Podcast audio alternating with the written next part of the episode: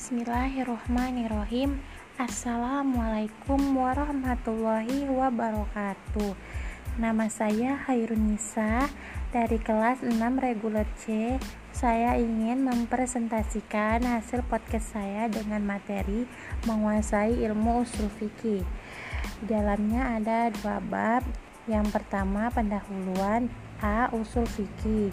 Satu pengertian usul dan fikih Istilah usul fikih terdiri, terdiri dari dua rangkaian suku kata. Yang keduanya mengandung arti yang sangat luas, yaitu kata usul secara etimologis memiliki banyak arti.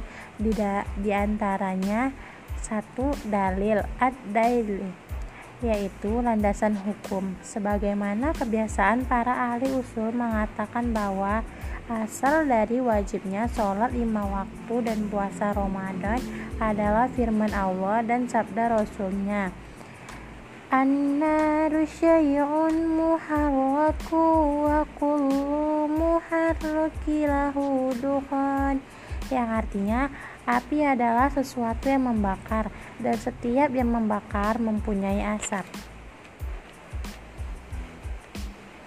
B. Kata fikih Fikih secara bahasa artinya pemahaman mendalam atau nafakohum yang membutuhkan adanya pengarahan potensi akal sebagaimana firman Allah dan sabda Nabi Shallallahu alaihi wasallam. Falaula nafaru min kulli firqatin minhum ta'ifatu fid yang artinya mengapa tidak pergi tiap-tiap golongan di antara mereka beberapa orang untuk memperdalam pengetahuan mereka tentang agama.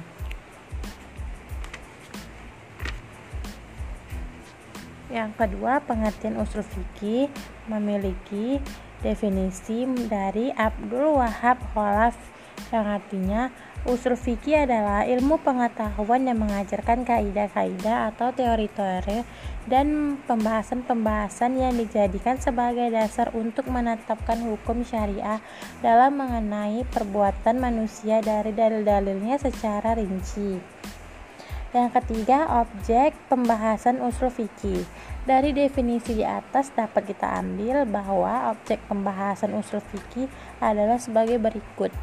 A. Sumber hukum Islam dan seluk-beluknya baik yang telah disepakati bersama seperti Al-Quran dan hadis maupun yang masih diperselisihkan seperti istishan dan masalatul mursalah B. Metode penggunaan sumber hukum Islam seperti metode taji dengan menggunakan teori-teori 1. Teori kompromitas atau jam'i atau teori taufiki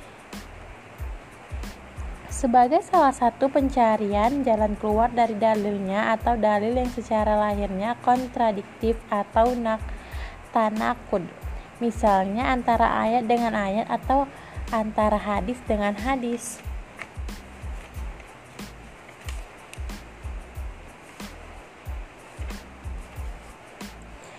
Bab 2 Sejarah Perkembangan Usul dan Fikih.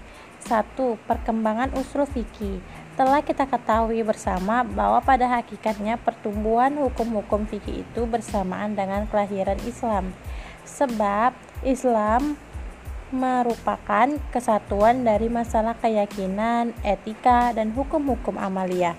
Sedangkan hukum amalia sudah ada sejak masa Nabi Muhammad SAW dalam wujud hukum-hukum yang terdapat dalam Al-Quran.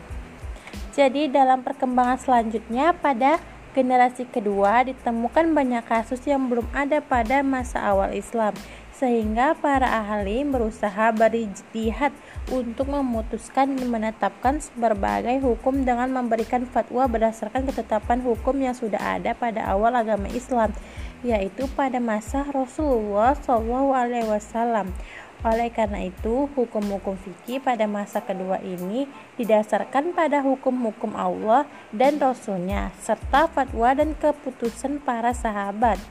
Semuanya bersumber dari Al-Quran, hadis, dan ijtihad pada para sahabat. Sekalipun demikian, pada masa kedua ini belum ada kodifikasi dan ketetapan hukum tentang kasus-kasus yang sifatnya kondisional kecuali kasus-kasus tertentu yang terjadi pada masa itu sebab ketentuan hukumnya belum berbentuk yang terjadi pada masa itu jadi demikian kumpulan hukum fikih pada masa awal dan keduanya tetap diambil dari hukum Allah dan Rasulnya ter serta pada sahabat yang bersumber dari Al-Quran, ijtihad Rasulnya dan para sahabat. Yang kedua, usul fikih pada masa sahabat dan tabi'in. Pada masa ini, usul fikih belum ditulis, tapi kaidah atau teori telah dirumuskan di dalam pemikiran para ahlinya. Yang pertama, periode sahabat. Periode ini dikenal sebagai periode fatwa dan penafsiran terhadap sumber hukum Islam. Lantaran muncul banyak kasus baru sebagai akibat meluaskan bahwa wilayah Islam keluar jazirah Arab yang corak sosial, budaya, dan struktur masyarakat berbeda dari jazirah Arab. Jika mereka menjumpai kasus yang tertentu, hukumnya secara pasti tidak ditemukan. Dalam kedua sumber tersebut, mereka mengadakan musyawarah.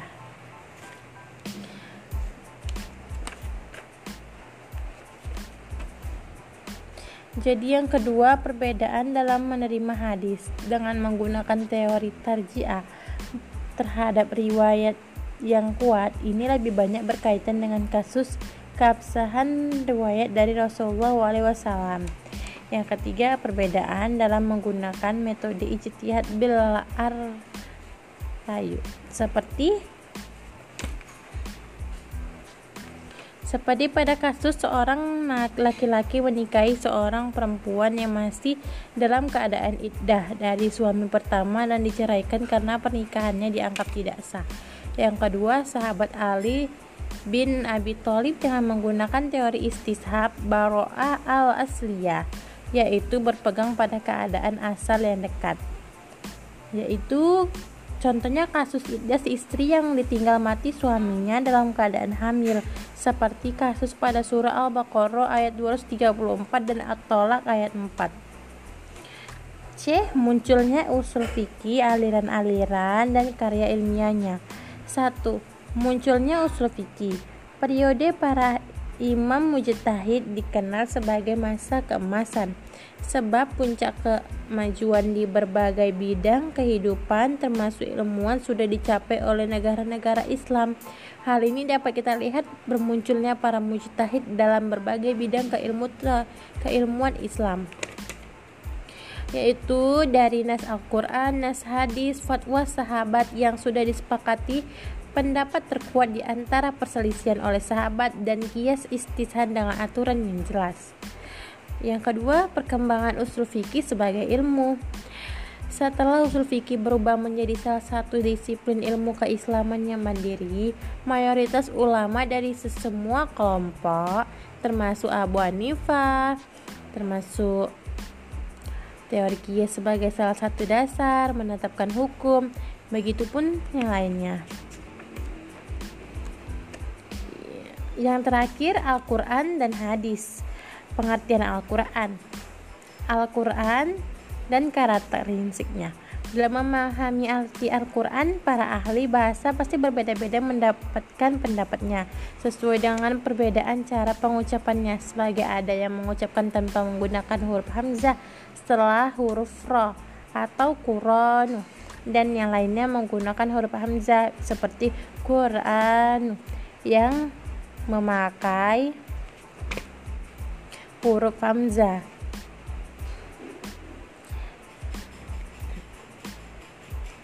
Inna alaina jama'atu wa qur'anahu fa iza fara'nahu fattabi' qur'an. Yang artinya sesungguhnya kamilah yang mengumpulkan di dirimu dan kamilah yang membuatmu pandai membacanya fungsi Al-Quran dan penjelasannya. Untuk mengetahui secara jelas fungsi dan Al-Quran dapat dilihat mencermati nama-nama Al-Quran.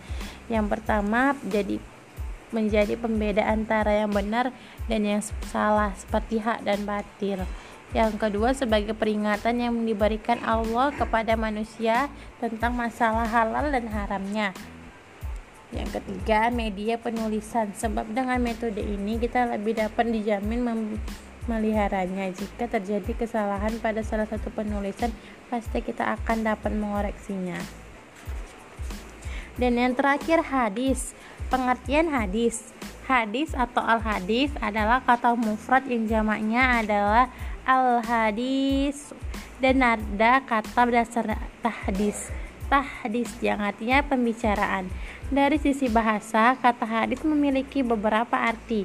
Di antaranya adalah al-jahid yang artinya baru, lawan katanya al-qadim yang artinya lama, artinya menunjukkan adanya waktu yang dekat dan singkat. Atorik yang artinya jalan yaitu atorikul maslukah yang artinya jalan yang ditempuh. Jadi kira-kira sampai di sinilah pembahasan saya. Bila ada kata-kata yang salah, saya mohon maaf. Bila banyak kekurangan, saya mohon maaf. Lebih dan kurang, saya mohon maaf. Wabillahi taufik walidayah. Wassalamualaikum warahmatullahi wabarakatuh.